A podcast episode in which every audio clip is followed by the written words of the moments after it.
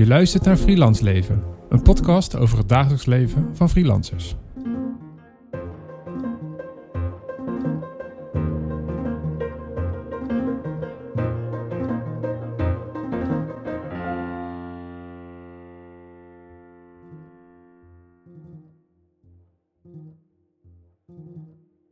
Wat het freelance leven voor mij betekent, ja, het zijn een aantal dingen. Uh, enerzijds is dat je heel dicht op je, uh, ja, je verantwoordelijkheden wordt, uh, wordt gewezen en eigenlijk continu.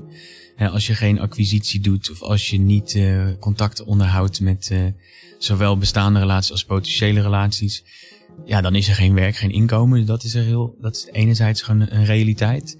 Anderzijds is de standaard dat je goede kwaliteit aflevert, want je hoopt toch vooral ook van mond tot mond uh, benaderd te worden. Andere kant is um, dat ik het heel leuk vind eh, dat je heel veel dingen zelf kunt bepalen. Die het ook weer tegelijkertijd heel eng maken. Omdat je denkt, ja, is dit nou een goed idee of niet? Ik zou het graag, ik zou ook best wel vaak behoefte aan een team om iets te, een sanity check te doen, zeg maar. Van is dit nou een goed idee? Moet ik me hier aan wagen? Aan de andere kant word je ook door niemand tegengehouden, wat ook wel fijn is om, uh, om dingen uit te proberen. Nou, dat betekent het freelance leven wel voor mij, denk ik. Dat je, heel, dat je overal heel dicht op zit. Eigenlijk dat je, ja, dat je en je eigen beslissing neemt, je eigen risico's, je eigen plannen kunt uitproberen voor zover je dat. Ja, we zitten hier met uh, Laurens Vreekamp. Uh, kan jij vertellen, uh, je hebt net al een beetje verteld natuurlijk, ja. wie jij bent en wat je allemaal doet? Ja, nou, mijn naam is Laurens Vreekamp. ik ben in 99, om dat te vertellen, ben ik begonnen met studeren interaction design toen aan de Hogeschool voor de Kunst Utrecht, dus kunstacademie.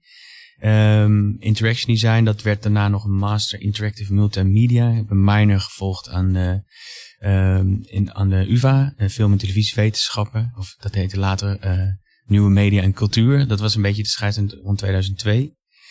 Um, ik ben afgestudeerd op hybride nieuwsmedia ecologieën in 2003. Volgens mij heette mijn... Hele mond vol. Mijn thesis zoiets. En dat ging erover, hey, er komen alternatieve media en burgers met een geluid op internet. Wat betekent dat voor de legacy? Of toen, de, toen noemde dat de oude media in 2003. Wat betekent dat als ze er hetzelfde uitzien en hetzelfde medium gebruiken, alleen de inhoud uh, een andere toon heeft of ergens anders vandaan komt, een manier van werken? Nou, dat we dan in 2020 of 21, 6 januari, wat er met uh, het kapitool gebeurde, dat dat soort dingen daar een, uh, een soort van uh, uitwas van zouden zijn, dat durfde ik toen niet te vermoeden. Maar het was wel altijd van bewust, media moeten hier iets mee. Dat, deze, dat gewone mensen ook een stem krijgen. En ga snel naar die gebruiker kijken. Dus dat is altijd mijn, mijn uitgangspunt geweest. Denk user-centered. En um, ik heb bij verschillende bedrijven, zowel commercieel als publiek of cultureel, bij de um, KRO heb ik gewerkt. Heb ook radio geregisseerd. Radio 1 nachtprogramma. Van zondagavond 1 uur s'nachts tot maandagochtend 6 uur. De Nacht van het Goede Leven. Heel leuk programma. Um, nou, sowieso bijzonder om live radio te maken en s'nachts vanuit die betonnen bunker in uh, het Mediapark. En uh, bij de kunstbende gewerkt. Um, bij een commercieel reclamebureau. Uh, IJzelbar heette dat. En um, daarna les gegeven aan de Hogeschool Utrecht School van Journalistiek en CMD, Communication Media Design. Dus bachelorstudenten. En daar ook een minor op gezet, Future News Media. Wat heel veel raakvlak heeft met het onderwerp van vandaag, volgens mij. En van daaruit ben ik uh, gevraagd bij, om bij Google bij het Nieuwslab te gaan werken, om teaching fellow te worden. Dus eigenlijk meer aan journalisten te helpen met digital skills. En daar heb ik ruim twee jaar gewerkt, tot vorig jaar zomer. Toen liep dat af en dat wist ik al van tevoren. Maar ja, in the middle of pandemic was best pittig. Ja, kan me voorstellen. Toen dacht ik, wat ga ik doen? En dacht ik, ik ga het toch zelf proberen. Dus nu sinds uh, ja, juli, augustus vorig jaar freelancer. En nu heb ik mijn eigen uh, onderneming opgericht, Future Journalism Today. En dan heb ik een academy en dan geef ik nu vooral workshops over uh, introductiecursus AI en machine learning. Wat is het? Wat kun je ermee? Wat zou ik ermee moeten als journalist media maken? En het zijn eigenlijk drie dingen waar mensen op uitkomen. Ik heb nu zeven of acht keer, uh, acht edities gehad met soms uh, verschillende journalisten van verschillende uh, redacties van Nieuwsuur, van Argos, van Pointer, van KRO NCV. Een keer met de redactie van Financieel Dagblad. Dus verschillende edities. En wat valt me op is dat mensen zeggen van ja, het, het helpt me eigenlijk met demystificatie van die nieuwe technologie. Het is niet zo magisch als ik had gehoopt of verwacht. Het is ook niet zo eng misschien als ik verwacht had. Een hoop handwerk, uh, een soort nieuw ambacht wellicht. En um, ik kan, naast dat ik het jargon kan gebruiken, snap ik nu ook hoe, uh, uh, hoe ik bijvoorbeeld een algoritme kan bevragen. Uh, of hoe ik tools in mijn eigen werk kan inzetten om sommige werk sneller of makkelijker te doen. Ja, het is heel nou. duidelijk dat een, een, rode lijn in, jou, in jouw werk is uh, technologie. Precies, ja. we gaan het in deze aflevering ook uh, hebben over technologie. Ja. ja. Mijn naam is Ern van het Hof. Voor mensen die nog niet geluisterd hebben, ik doe een promotieonderzoek naar de arbeidsomstandigheden van freelance journalisten. Ja. En in elke aflevering van deze podcast behandel ik een artikel wat ik tegen ben gekomen in het kader van mijn promotieonderzoek. En ik vraag aan mensen uit de beroepspraktijk wat zij van het artikel vinden en of ze daar misschien iets van kunnen leren of opsteken. Doe ik niet alleen. Ik doe dat met Sanne Poot, mediamaker. Die zit hier ook. Ja, goedendag, middag of wanneer je dit ook luistert. Leuk dat je luistert. En uh, we zitten hier met uh, Laurens. Misschien horen jullie wat uh, achtergrondgeluid, luisteraar. Want we zitten bij Laurens' werkplek. Waar zitten we nu? Ja, ik, ik heb sinds kort een werkplek. Ik was voor de zomer was ik helemaal klaar met thuiswerk. Dus ik zit nu in een pand aan de Prins Hendrikkade. Echt pal tegenover het Centraal Station in ja, Amsterdam. Zitten we, ja. Ja. Voor de oudere luisteraars, dit was vroeger Oibibio. Sommige mensen kennen dat nog. Mhm. En um, ja, was een nieuw age-achtige nieuwe manier van werken van een zoon van de Albert Heijn uh, familie, geloof ik, die, uh, die hier uh, het hele pand had aangepakt. En ja, achter ons zit, is de Nieuwe Dijk, is nogal een drukke straat met, met veel toeristen ook en, en op hen gerichte horeca en, en retail, zeg maar. Ja, bedankt dat we hier mochten langskomen. Ik ben heel benieuwd naar jouw reactie op het paper van, van, van deze keer. Uh, ik kan alvast verklappen voor de luisteraar dat het, het paper is een soort gestrekt B naar narratief over technologie. En we zitten hier met iemand die dagelijks bezig is met technologie. Dus ik ben ja. heel benieuwd waar dit, dan, waar dit gesprek dan, uh, dan heen gaat. Ja. Dus uh, laten we naar het paper gaan. Deze keer behandelen we Imagining the Journalist of the Future. Technological Visions of Journalism Education and Newswork. Het artikel werd geschreven door Brian Creech en Andrew L. Mendelson en verscheen in 2015 in de Communication Review. Ik heb het naar je toegestuurd, uh, ja. Laurens. Wat, wat, vond je ervan toen je er... Uh, ja, ik, ik vond het wel, uh, wel weer verfrissend om weer eens een soort van tegengeluid. Want inderdaad, als je veel met technologie bezig bent, dan word je ook weer snel een soort advocaat of evangelist. Omdat ik, ik zie ook altijd wel wel voordelen van technologie. Maar ik weet ook vanuit mijn studie, ik moest eigenlijk meteen aan twee termen denken. Um, dat is dat technologisch determinisme.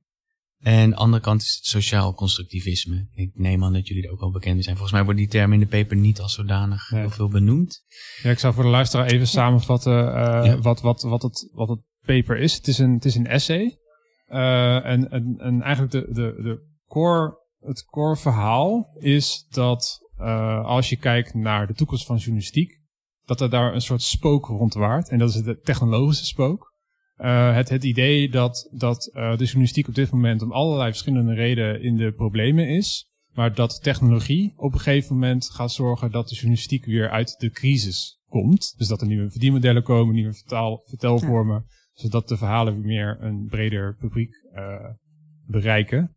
En een van de interessante dingen van deze, uh, voor deze podcast die ik uit het paper heb gehaald, is dat, uh, dat uh, de auteur zegt, het is eigenlijk de nieuwsindustrie die met dat discours komt, met dat technologie-discours. Mm -hmm. Maar vervolgens wordt dan ook gezegd van het is aan individuen, aan tech-savvy individuen, om dan te zorgen dat we al die technologie krijgen, zodat we dus uit de crisis komen. En aangezien de meeste journalisten natuurlijk freelancers zijn, uh, zou je dan de stap kunnen maken van, oh, is het dan aan freelancers om ja. innovaties in de journalistiek te gaan verzinnen om de journalistiek te gaan redden? Ja. Wat vind jij van? Nou ja, dat is iets wat ik, dat stukje van moeten uh, individuele uh, freelancers, dus gaan, die moeten eigenlijk een soort van op de redacties waar ik heb gewerkt, eigenlijk aan elk nieuw snufje zijn zij eigenlijk de sjaak om daarmee te oefenen. Ik heb bijvoorbeeld bij een DPG-krant gewerkt, bij het AD. En heel lang is daar internet en de website uh, als iets voor, ja, weet je, internet, dat is ook nog zoiets. Dat komt er ook nog een keer bij. Um, en um, ik denk dat een paar jaar terug, ik denk rond 2014 ongeveer, dat daar de website echt serieus werd genomen. En daar hebben ze toen een paar freelancers opgezet om die site uit te, uit te rollen. En op een gegeven moment ging dat werken en werden ook digitale abonnementen afgesloten. En dat is dan het moment dat er weer mensen in vaste dienst op worden gezet. Die dan met het werk van de individuele freelancers eigenlijk een soort van wegkomen. En uh, ja, dat meenemen in de organisatie. Dus ik zie wel heel erg dat er gebruik wordt gemaakt van de knowledge en de, ja, het, gewoon de kennis en de ervaring van freelancers die proberen te innoveren. maar dat het voor organisaties vaak nog een soort lastig is om nou ja, ze gebruiken dat gewoon. en bedoel je dan, als, pas als het zich bewezen heeft, zich bewezen dan gaan ze er dan gaan als organisatie achter staan met, met geld en tijd en ondersteuning. Precies, en dan wordt het ook echt gezien als een serieus onderdeel van de nieuwsorganisatie. Want heel lang werden die websites gewoon gezien als, ja, dat doen we erbij. Daar zit een freelancer op, die doet dat wel, weet je wel. Ehm, en ja, tegenwoordig is het gewoon de hoofdmotor. Eh, zeker bij DPG uh, is die website eigenlijk alles. Is het hele digital first is in afgelopen tijd is gekomen. Uh, en dat ja, dat is wel iets wat gewoon heel erg heeft, uh, ja, heel erg geleund op freelancers voor mijn gevoel. Dus ja, dat. Uh... Ja, eigenlijk de paradox in het paper, um, uh, en dat is ook waarom, waarom we hier zitten, is dat aan de ene kant is het, is het heel logisch van er moet innovatie komen, want innovatie is iets wat altijd inherent is geweest aan de journalistiek. Je kan zelfs daar naar de, de uitvinding van de elektronische typemachine terugredeneren natuurlijk. Er is altijd innovatie geweest. Dus we kunnen altijd doorgaan met nieuwe manieren van verhalen vertellen. Aan de andere kant zitten we nu in een arbeidssituatie waarin de meeste uh, journalisten freelancers zijn. Dus waar ligt dan, hoe zorg je dan dat er innovatie komt? En hoe zorg je dan tegelijkertijd ook dat dat gebeurt binnen arbeidsomstandigheden uh, die goed zijn voor de individuen die dat maken? En uh, dan kom ik eigenlijk bij jou automatisch, want jij bent natuurlijk bezig met innovatie altijd. Ja. Wat, wat is jouw ervaring als je dit soort, deze, ja, deze spanningen eigenlijk uit het paper, als je die zo hoort? Ja, dus het zijn natuurlijk best wel veel dingen. Een van die dingen is, wat ik net zei met dat technologisch determinisme. En ik, ik merkte dat, ik wist niet dat het zo heette. Toen ging ik studeren en toen dacht ik, oh ja, het internet kwam op, er was nieuwe technologie. En ik, ik zat te kiezen tussen Nederlands journalistiek en interaction design. En dat had ik gezien, dacht dat lijkt me spannend. Dus ik was ook zelf helemaal in de ban van die shiny new technology. dacht, interactiviteit, wat is het? Oh, dan kan je dingen bouwen waar mensen wat mee kunnen. En dat vond ik heel interessant. En toen tijdens die studie was het internet natuurlijk helemaal niet uitgekristalliseerd. Want ik begon in 1999. Google is ontstaan in 99 ook, geloof ik. En um, toen dacht ik altijd, ja, vet. Met als, als mensen het op deze manier gaan doen. En dus al die boeken die ik toen las. Eh, ik kan nog wel titels verzinnen. Maar die waren allemaal heel erg van this technology will change the world and democracy. En als iedereen dan online komt. Iedereen kan met elkaar in gesprek. Met gelijkgestemden. Ja. En dan, uh, nou, dat allemaal. Dus technologie zou heel veel gaan verbeteren. Met alle problemen in de wereld zou de technologie kunnen opgelost kunnen worden. En ik was het daar grondig mee eens. En uh, goed, toen kregen we een aantal psychologie en filosofie vakken ook op die kunstacademie. En toen leerde ik dat begrip technologisch determinisme kennen. Maar zagen we het ook als iets onvermijdelijks. Want enerzijds was het natuurlijk, hè, als, je, als je een technologisch uh, gedetermineerde blik op de wereld hebt, dan ga je er ook vanuit dat technologie uh, iets positiefs in zich heeft. Dat het niet neutraal is, maar dat het ja, je zal helpen met, eh, voor bepaalde problemen.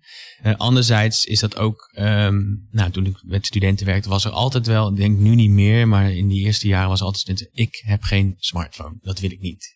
Hmm. En dan, uh, nou, iedereen mag kiezen wat je wil. Maar als ze in een groepje gingen werken en ze moesten afspreken, ja, dan moesten ze e-mail dan wel bijvoorbeeld. Maar als ze dan in het lokaal veranderden of iets, dan konden ze elkaar niet vinden. Dus die kwamen er heel snel achter dat ze eigenlijk niet konden zeggen. Ze hadden die keuze, die agency helemaal niet. Ik hoef geen smartphone. Want de rest van de groep bepaalt dat al voor jou. Dus die technologie determineert ook hoe je ermee omgaat. Net zoals dat we nu makkelijk ergens te laat kunnen komen, omdat je een appje stuurt van ik ben onderweg. En tegenwoordig kan je misschien dan mee video bellen en ben je er toch bij. Dus heel veel van die gebruiken, uh, uh, ja, die veranderen. Dat is eigenlijk wat Marshall McLuhan natuurlijk ook al zei. We shape our tools, thereafter our tools shape us. Mm -hmm. Nou, die heeft een bepaalde positie in dat spectrum van technologisch determinisme. En toen ik ging lesgeven en eigenlijk wat realistischer werd, omdat ik met interfaces bezig was daarvoor als interaction designer van de vette dingen uitproberen. Wij vonden VPRO uh, digitaal altijd interessant en wat uh, volgens mij deed uh, Paradiso die streamde dan met Fab Channel al die concerten live en dat was allemaal helemaal te gek. En uh, met journalistiek kon je dan video online gaan doen. Dus we waren dat allemaal aan het uitzoeken en hoe dat dan kon.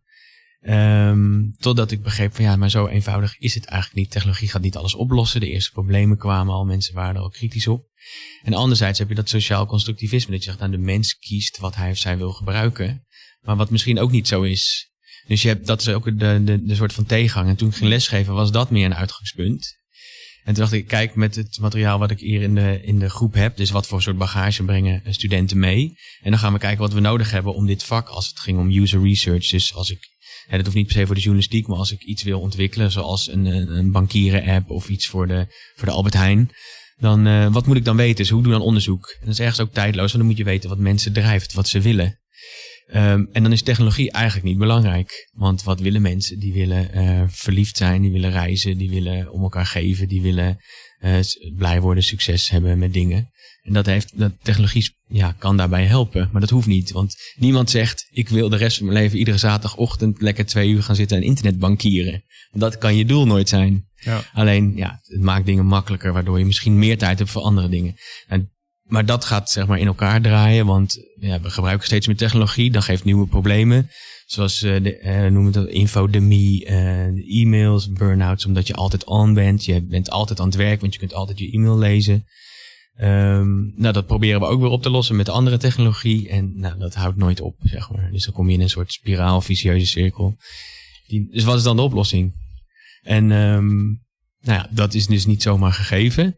Um, dus dat, daar, daar, daar worstel ik dan zelf ook mee. Dus ik denk niet dat technologie een oplossing is voor de problemen van technologie. Ja. Um, maar ja, wat is het dan wel? Ja, ja een van de, een van de, uh, dat is precies ook de kern van het artikel natuurlijk. Mm. Want wat, ja. uh, wat de onderzoeker heeft gedaan, die heeft gekeken naar allerlei uh, statements van, van in, in het paper wordt dan thought leaders genoemd in Amerika. Ja. ja. Die heeft een, een soort survey gedaan. Er zijn 86 statements uitgekomen op Nieman Lab over de toekomst van de journalistiek. Ja. Daar komt elke keer dat weer terug. Zo van, um, we moeten, de, de, er is een disruptie geweest in media. Ja. En die kunnen we oplossen door technologie. En die kunnen ja. we oplossen met technologie. Dus daar moet al onze focus uh, ja. op gericht zijn. Terwijl de basis van wat is journalistiek en wat voegt het toe in de samenleving daarbij soms wel gewoon vergeten wordt. En dat is denk ik erg zonde. En dat is ook wel een goed punt wat dan ook aangestipt wordt in uh, het paper. Van wat is de rol van de journalistiek? Ja. En, en moeten we daar geld aan verdienen? Is dat, aan journalistiek. is dat überhaupt wel een. Uh, of wordt het een ja, nutsvoorziening, bedoel je? Dat het moet er zijn. En uh, ja. Nou, en dat hebben we natuurlijk in, in jullie hebben in de vorige aflevering ook al besproken. Dat vond ik ook interessant. Want dan, hè, dan kom je inderdaad ook weer in van die vage abstracte notie van holding power to account. Of hè, de, de, de hoede van de democratie. Dus ja. we moeten zowel politici, mensen die macht hebben, moeten we kunnen bevragen. En uh, we moeten de mensen vertellen hoe dingen uh, gebeurd zijn. En ja, daar komen alle journalisten op een bepaalde manier wel uit. Daar zijn ze het allemaal mee eens. Omdat het vaag genoeg is, kan iedereen er zijn eigen kleur aan geven, denk ik. Ja. Maar wat, ja, wat is journalistiek? En ik heb daar natuurlijk ook wel over nagedacht. Is het dan dat, je mensen, uh, dat mensen willen verhalen horen? Uh, dus dat vinden we fijn als dingen worden uitgelegd. Maar ook om, je zou kunnen zeggen, de definitie die ik wel eens hanteer, dat journalistiek je helpt om beslissingen te nemen als mens. Uh, om na te, of beter beslissingen te nemen. Nou, op welk vlak dan ook. Of als ik nou een broodrooster nodig heb. Uh, of welke partij ik moet stemmen. Of, uh, of waar ik heen het beste op vakantie kan gaan als ik iemand wil helpen. nou, als het goed is, zou de journalistiek je daarbij kunnen helpen. Zou ik zeggen. En ik denk niet dat we merken nodig hebben. Dus volgens mij hebben we geen NOS op 3 of, of trouw nodig om dat te doen. Maar we hebben wel, denk ik, onafhankelijke mensen nodig die niet betaald worden of gestuurd om je dat verhaal te vertellen. Dus ik heb dingen uitgezocht en uh, ik heb geen, zelf geen mening hierover of geen uh, incentive. Uh, ik heb het op een rijtje gezet. Als je dat belangrijk vindt, moet je hier naar kijken. Als je dit belangrijk vindt, zou je dat moeten doen. en dat stellige zou ik wel weer fijn vinden. Um, maar dan denk ik, dat zou de journalistiek moeten doen. Die, die heeft de taak denk ik om dingen uit te leggen. Om je, ja, om je allerlei beslissingen in het leven, groot tot klein, om je daarbij te helpen. Nou, dat is misschien ook een hele vage uitleg, maar die werkt voor mij. Ja, het is, heel, het is, het is wel grappig dat, dat, dat uh, dit staat echt diametraal tegen um, dat het onderzoek uit het paper, die eigenlijk zegt van de conclusie van mensen met macht, hè, mensen ja. die, die een stem hebben, ja. Uh, is van wij moeten, de toekomst is technologie. Ja. Dus uh, in een ander paper las ik een conceptje wat ik wel grappig vond, dat was nostalgie naar de toekomst. Ja. Dus nostalgie ja, naar een toekomst waarin we met technologie alles opgelost mm -hmm. hebben. Ja. Terwijl jij het eigenlijk weer omdraait en heel erg gaat naar het persoonlijke. Ja, ja en, en, en ik zou denken, het user center, dat is bij mij, ik, ik heel vaak kan terugdenken van hoe heeft de ontwikkeling, want ik dacht altijd van dat interaction zijn kan je overal toepassen. Dat kan ik heel commercieel toepassen, of bij de kunstband of bij Caro. Uh, en bij Google ook weer. Uh, toch het user center denken. Nou, um, dus dan gaat het meer om wat, wat mensen drijft en wat mensen nodig hebben. En dat ik merk dat ik dat een interessanter uitgangspunt vind om te starten. Dus dat user-centered of user first. Dus je kunt zeggen digital first, social first, mobile first, uh, noem maar op. Hè, wat mm. allemaal in redacties al voorbij is gekomen. Maar dan blijven we er achteraan rennen. Want wat was het, uh, vijftien jaar terug wilde iedereen een flash intro. Zeven jaar geleden wilde iedereen een app. Nou, ik denk over twee jaar wil iedereen een AI toepassing, een machine learning toepassing. En dan denk ik, ja, daar draag ik enerzijds aan bij.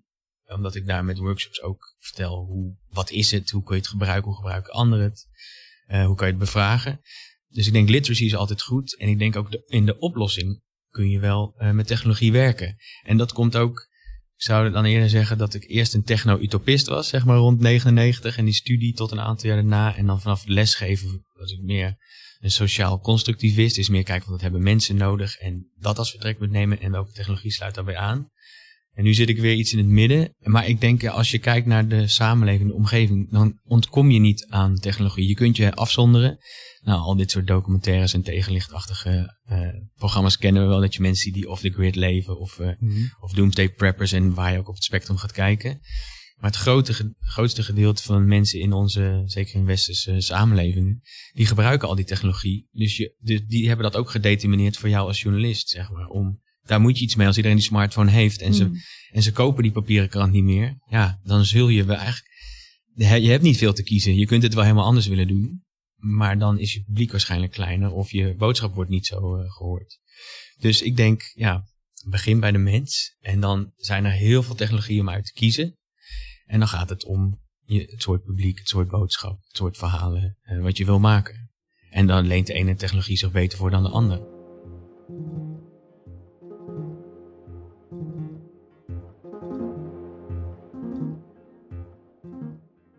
Ik wil even het, het bruggetje maken nu naar uh, een, een, een, freelancer die dit luistert. Ja. Die krijgt het allemaal over zich heen. En ik vond net dat je wel een mooi, mooi uh, punt maakte.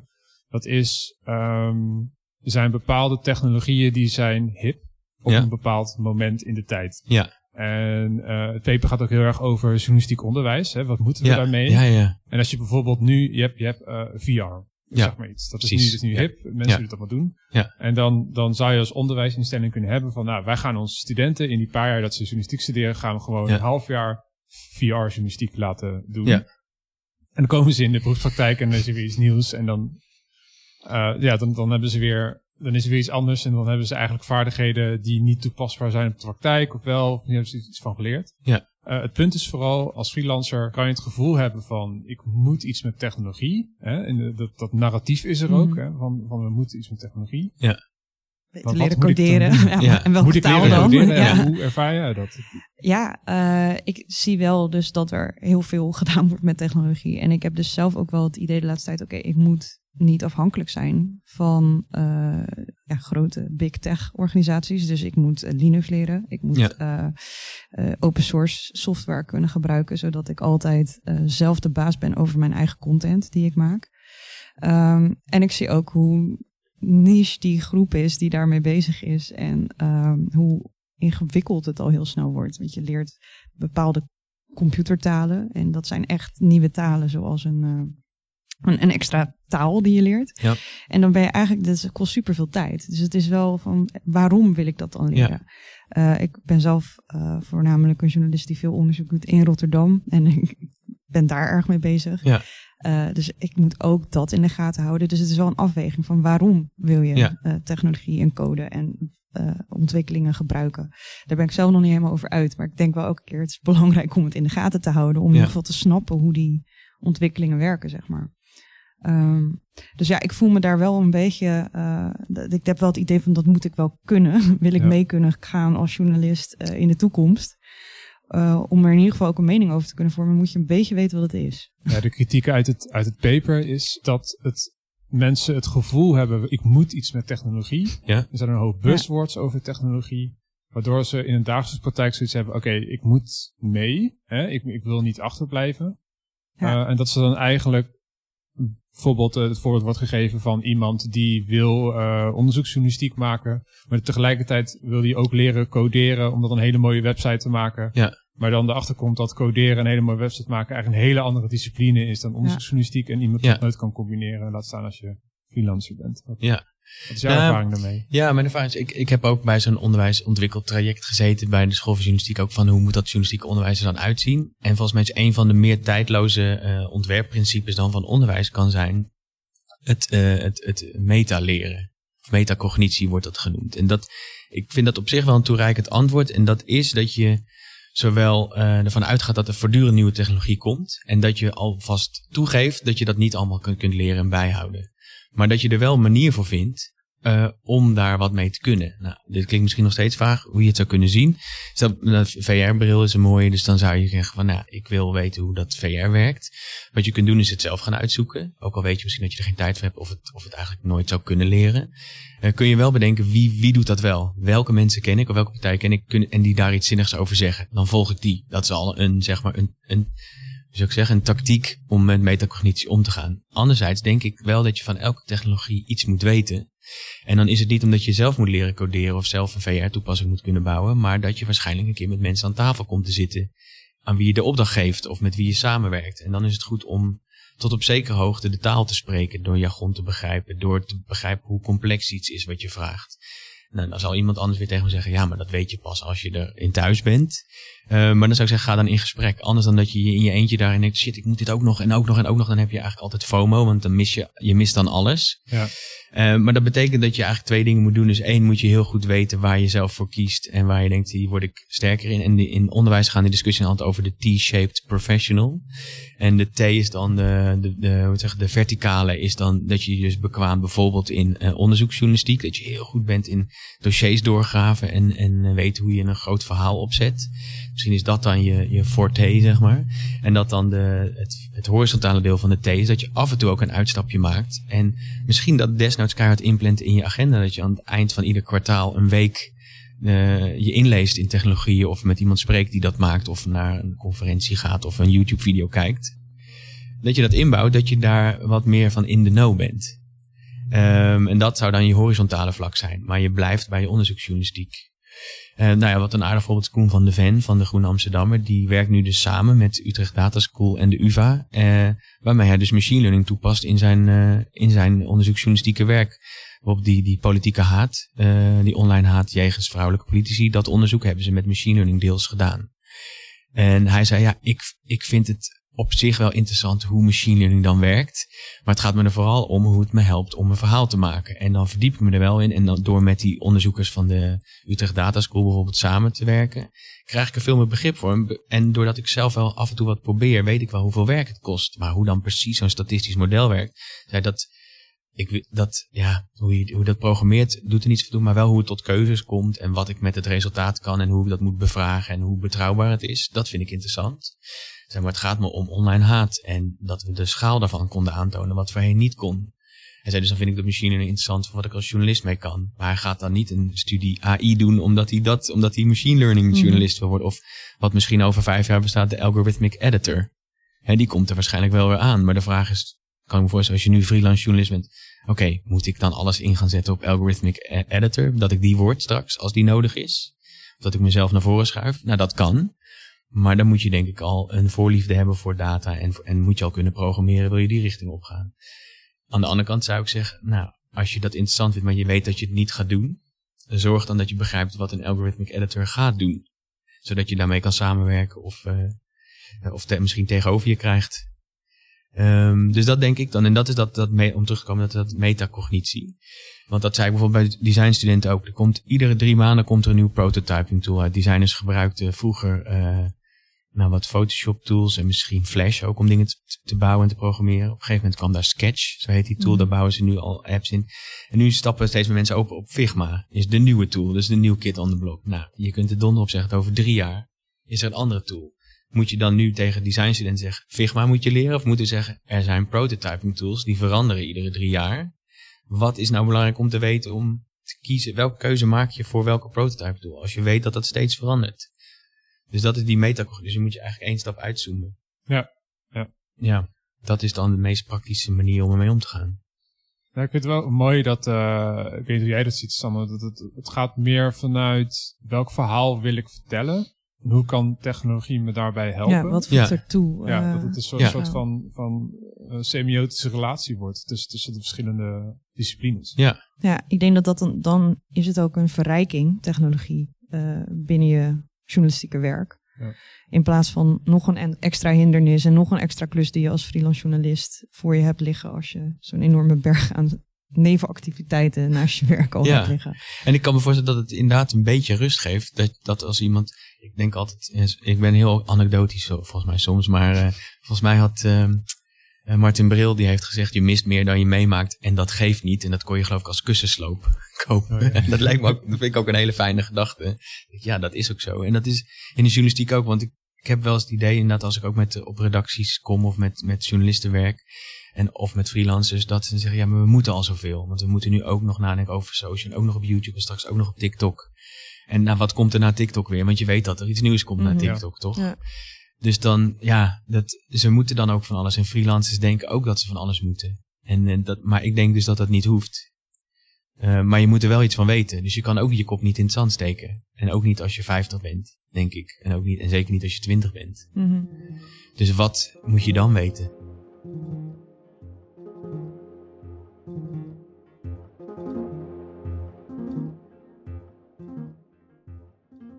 Heb wel eens een journalist geïnterviewd die heeft zelf een drone gebouwd voordat je drones kon kopen bij de mediamarkt. Ja, ja. Dus die, die heeft mm heel veel tijd, heel veel werk, uh, heel veel passie erin gestopt. Die had zijn eigen drone en die dacht van, ik ben dus dan de drone-journalist, de drone-freelancer. En dan kan ik meer geld verdienen ook met mijn, uh, met mijn foto's, omdat ik dan hè, met een drone van overbij kan en mm kunnen andere mensen niet. Nou, flash voor een paar jaar later. Iedereen kan een drone kopen. En ja, telefoon hangen. En, uh, ja, binnen een uur heb je die, heb je, heb je die foto's. Ja. En dat vind ik zo'n goed voorbeeld van, van technologie leidend laten zijn in plaats van wat jij net beschrijft. En andersom, hè, vanuit je situatie kijken wat handig is om te gebruiken. Ja. ja, en daarvoor zou ik dan wel die, zou je kunnen zeggen, die nieuwsgierige onderzoekende houding, waarvan wij eigenlijk altijd zeggen dat iedere journalist die zou moeten hebben. Dat is eigenlijk ook een soort, soort basisattitude, denk ik. Mhm. Dat je wil weten hoe iets zit of waarom iets, iemand dat gedaan heeft of, of gaat doen of aan het doen is. Uh, daarmee zou je ook naar nieuwe technologie kunnen kijken. En wat, wat ik daarbij altijd merk is als er nieuwe technologie komt, dan als het goed is, als je het onderzoekt, dan opent het ook conceptuele luikjes in je brein, zeg maar. Dus niet zozeer naar wat kan ik met die technologie, maar waartoe stelt die technologie me in staat. En dan ben ik hier weer heel positief of optimistisch. Maar ik denk wel dat dat zo is. Want je zou kunnen denken van, nou, en die voorbeelden kennen, wat nou als je kunt videobellen en je hoeft niet meer naar iemand toe om met hem uh, te, te, overleggen of te brainstormen. Ja, het stelt je wel, uh, het, biedt opeens mogelijkheden, omdat in je hoofd is er een belemmering weg. En dat heeft technologie vaak mogelijk gemaakt. Um, dus ik denk dat als je die nieuwe technologie onderzoekt, dan, um, dan stelt het je dus in staat om tot nieuwe concepten te komen of om anders naar je bestaande werk te kijken. En dat geloof ik echt. Een mooi voorbeeld daarvan vind ik om toch weer even naar de nieuwste technologie, de AI, te trekken. Mm uh, er is een voorbeeld van die LAist, dus een, een, krant uit LA, volgens mij vrijwel volledig digitaal, samen met KPCC, wat volgens mij een soort radiostation is daar die, uh, die kregen uh, bij de eerste lockdown daar kregen heel veel vragen van lezers. En die konden ze eigenlijk niet aan, want ze hadden maar een kleine redactie. En ze dachten, ja, we willen wel echt servicejournalistiek bedrijven, want daar, daar waren ze al naartoe aan het uh, pivoten, zeg maar, aan het draaien. Maar we willen dus iedereen wel beantwoorden, maar dat redden we eigenlijk niet. En toen was er daar iemand, of ze kende, iemand kende iemand, die wist hoe je machine learning moest toepassen. En ze gebruikte Hirken, en dat is om community audience engagement te doen. Uh, maar ze hadden er iets bovenop gebouwd, waardoor als iemand een vraag stelde over, uh, mag ik mijn, uh, kan ik mijn moeder nog wel omhelzen als ik die elke week zie of zo, ik noem maar wat. Ja. Um, hadden ze machine learning gebruikt om die vragen van lezers te koppelen aan, bedoelde u, valt deze vraag onder deze vraag? Want dan hebben we daar wel een artikel over geschreven met een antwoord daarop. En zo konden ze bijna uh, al die vragen een soort van analyseren op inhoud en koppelen aan het juiste antwoord. En als ze geen antwoord hadden, dan kwam hij naar een human en dan hadden ze een soort checklist. En dan was er dus een mens die zei, hey, we krijgen nu zeven vragen deze afgelopen drie dagen over dit. Daar hebben we eigenlijk geen goed antwoord op. Nou, dan werd dat de commissioning. Dan moest daar een artikel over komen. En je kunt je voorstellen dat voorheen dachten ze, ja, dit kunnen we allemaal niet beantwoorden. We willen het toch doen. Oké, deze technologie stelt ons in staat om onbekende vragen te filteren. En mensen sneller naar een goed antwoord toe te helpen, wat we voorheen niet konden. Hey, als dit kan, wat zouden we dan bij een volgend project kunnen doen? Dus die technologie heeft voor hun wel een soort luikje geopend, wat zou kunnen. En als je dit voorbeeld aan andere journalisten ziet, dan zien ze ook opeens voorbeelden. En dat voorbeeld van Koen van de Ven, die dan handmatig 2600 tweets heeft gelabeld. En dat heeft hem anderhalve dag gekost. Daar heeft niet iedereen veel zin in om aan te beginnen. Maar ik denk wel, hey, als hij zo'n onderzoek kan doen naar dit soort fenomenen online, dan zou ik dat nu kunnen gaan doen waar ik voorheen echt niet in mijn eentje aan toe zou kunnen komen. Of zonder bellingketters bijvoorbeeld. Dus dat conceptuele luikje wat door technologie wordt geopend, dat kan alleen als je de technologie onderzoekt. Ja, en ik denk ook alleen vanuit journalisten, want ik vind dit dus dan wel weer inderdaad een hoopvol, uh, hoopvolle oplossing. Uh, maar ik ben bijvoorbeeld ook een keer op de redactie geweest bij uh, Beeld in Servië. En zij gebruiken dus hun website nu als een soort leidraad voor wat er in de krant moet komen. En dat zijn dus alleen de berichten die gaan over seks, ja. sport en heftige dingen. En die komen dan in de krant en dan zie ik gewoon de journalistiek echt volledig uitgekleed raken. Uh, waar die de andere kant op wordt gebruikt, zeg maar. Ja. Puur voor wat scoort er, wat willen mensen lezen. En niet van waar hebben mensen behoefte aan. Ja. Dus, uh, ik vind die, ja, die insteek van joh, wat, wat voor informatie zouden mensen willen krijgen, vind ik dan interessanter inderdaad. Ja.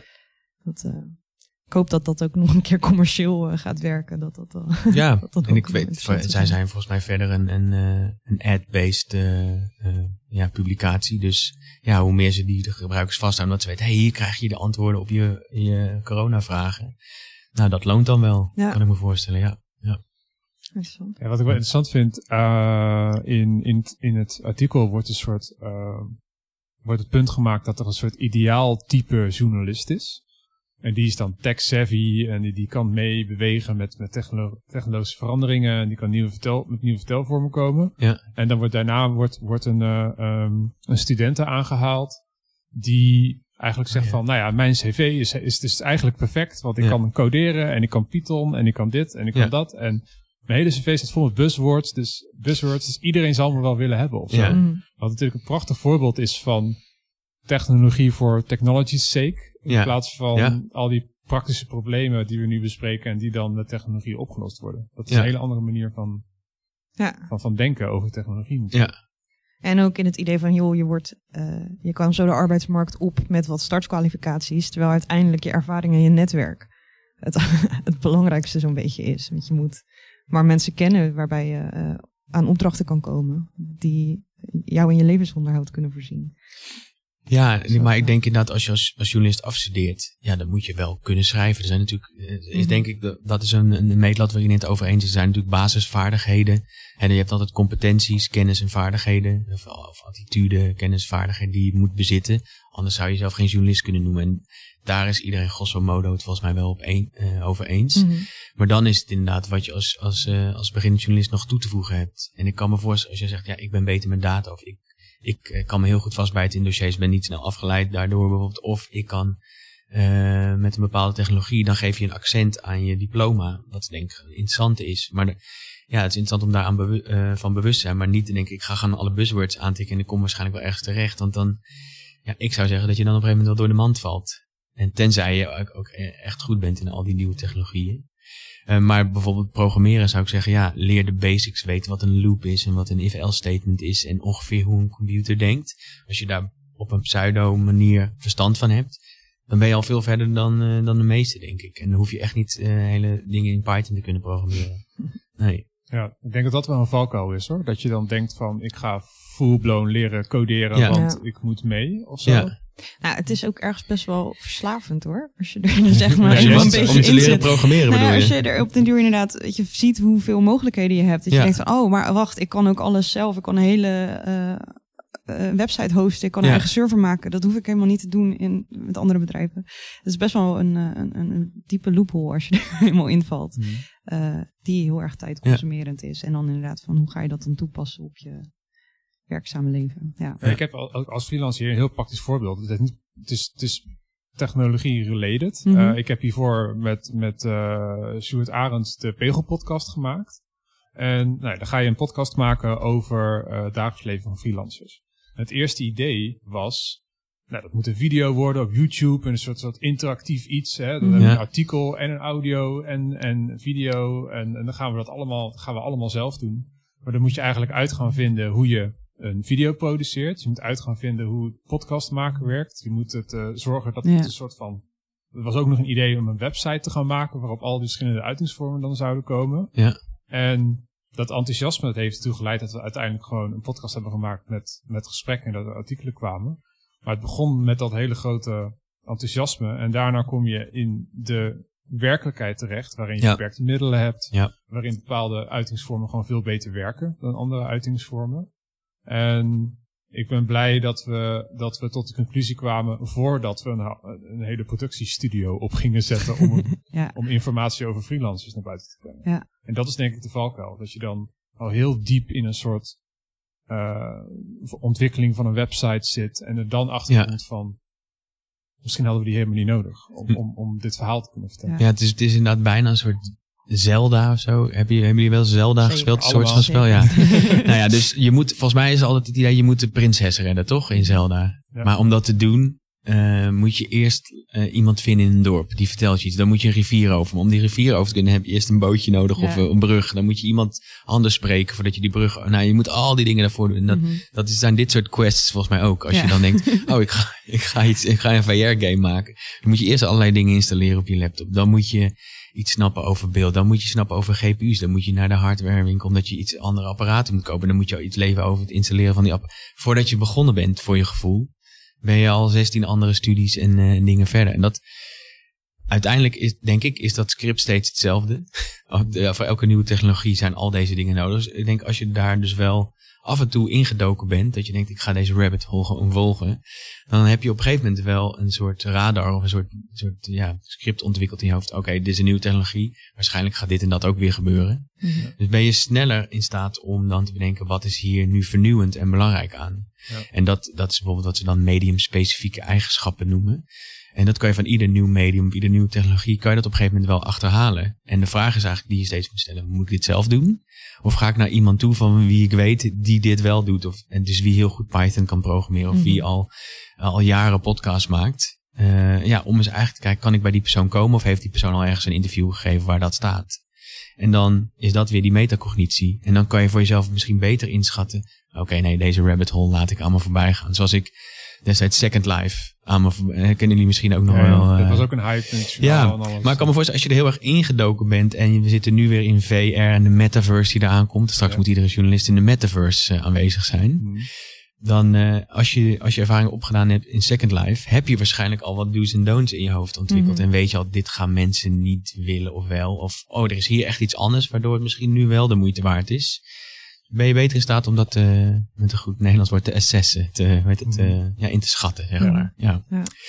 Dus ja, ik hoop dat het, dus ik zou dat nieuwsgierige onderzoekende wel inhouden, maar probeer dat voor jezelf, zeg maar, te, eh, ja, naar een grens te zetten. Of zeggen van, hier weet ik, hier moet ik niet verder in gaan, want ik word hier niet de beste in, of dit kost me te veel tijd, of... Het is wel, Ja. wel, wel, wel mooi dat hier ook weer, als je ook kijkt naar de eerdere afleveringen van deze Mhm. podcast, dat er een soort rode lijn weer ontstaat dat het, het beginpunt van, en dat is vooral voor freelancers belangrijk, is heel persoonlijk. Het is een heel persoonlijk, concreet probleem. Eh, Ja. om het maar bijvoorbeeld even weer, weer naar Zelda te gaan. Mhm. Je, komt Mhm. bij een, je komt bij een rivier en je wil over de rivier heen. Ja, Dan heb je dus het probleem, dat wil je dan, wil je dan, wil je dan oplossen. ja, En als je met technologie niet uitkijkt, dan ga je proberen...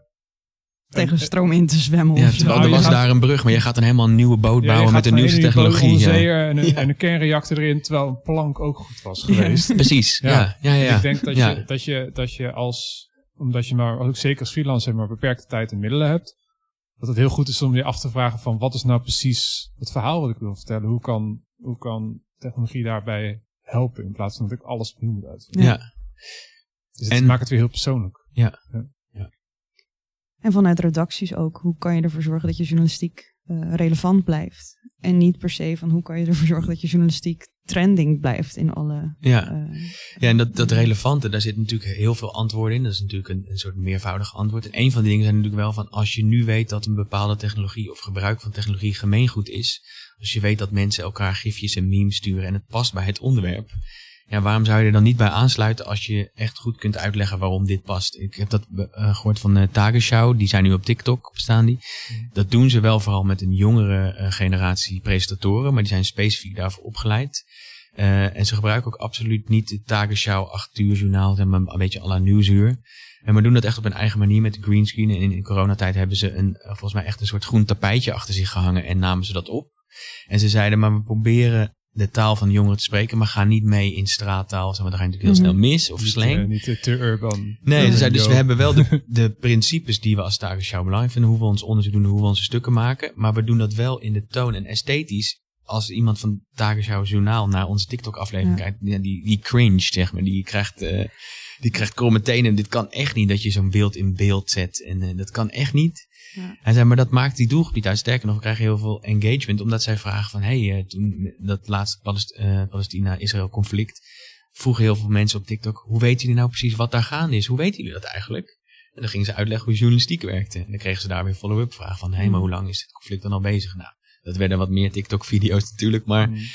Hij zei, wat we daar doen is uitproberen hoe dat werkt voor deze generatie. En we gaan dat niet op dezelfde manier doen, maar we kijken wat daar werkt, zonder onze principes te verliezen. Maar we proberen ook dingen uit, maar hij zei, we gaan geen dansjes doen. Want op TikTok doen ook heel veel mensen dansjes, maar dat gaan we niet doen, want dat past niet bij ons. Dus dat Mhm. doen we niet. Mm.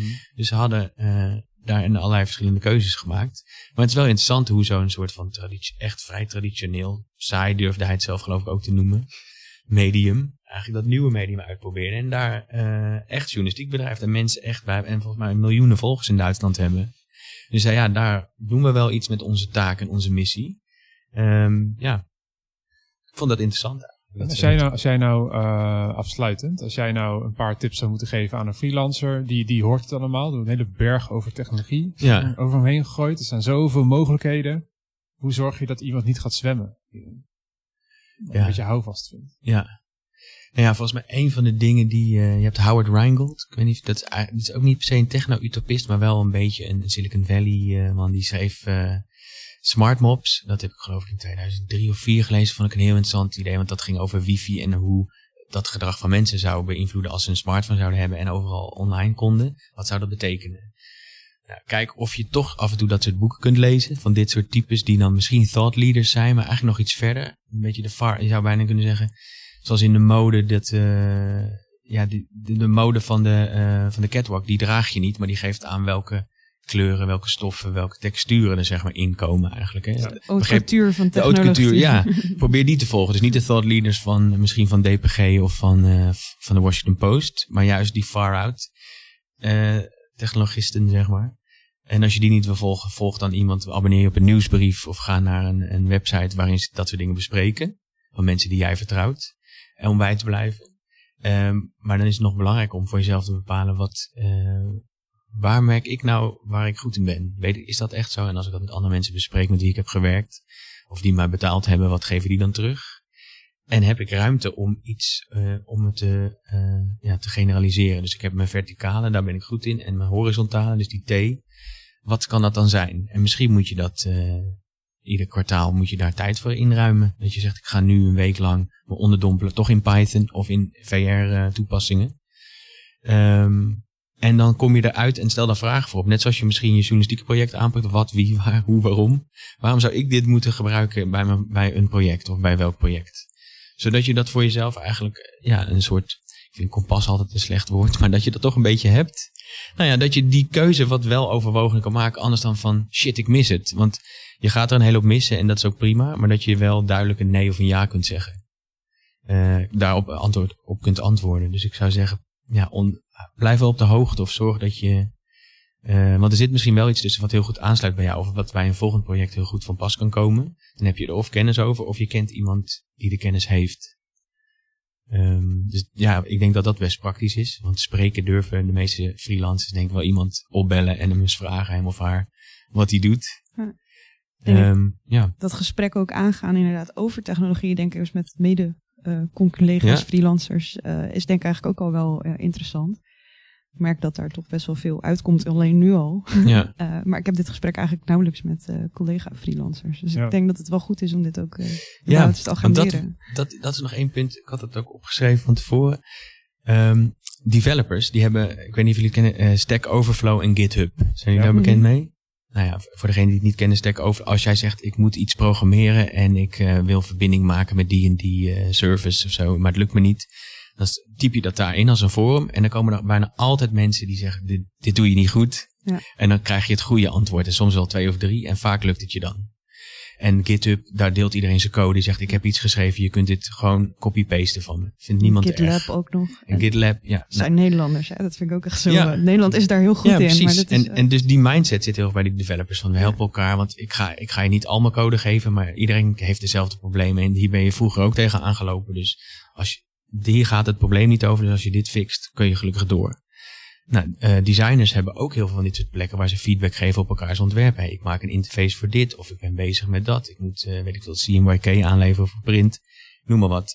Er zijn heel veel plekken waar ze heen kunnen en dat beantwoorden.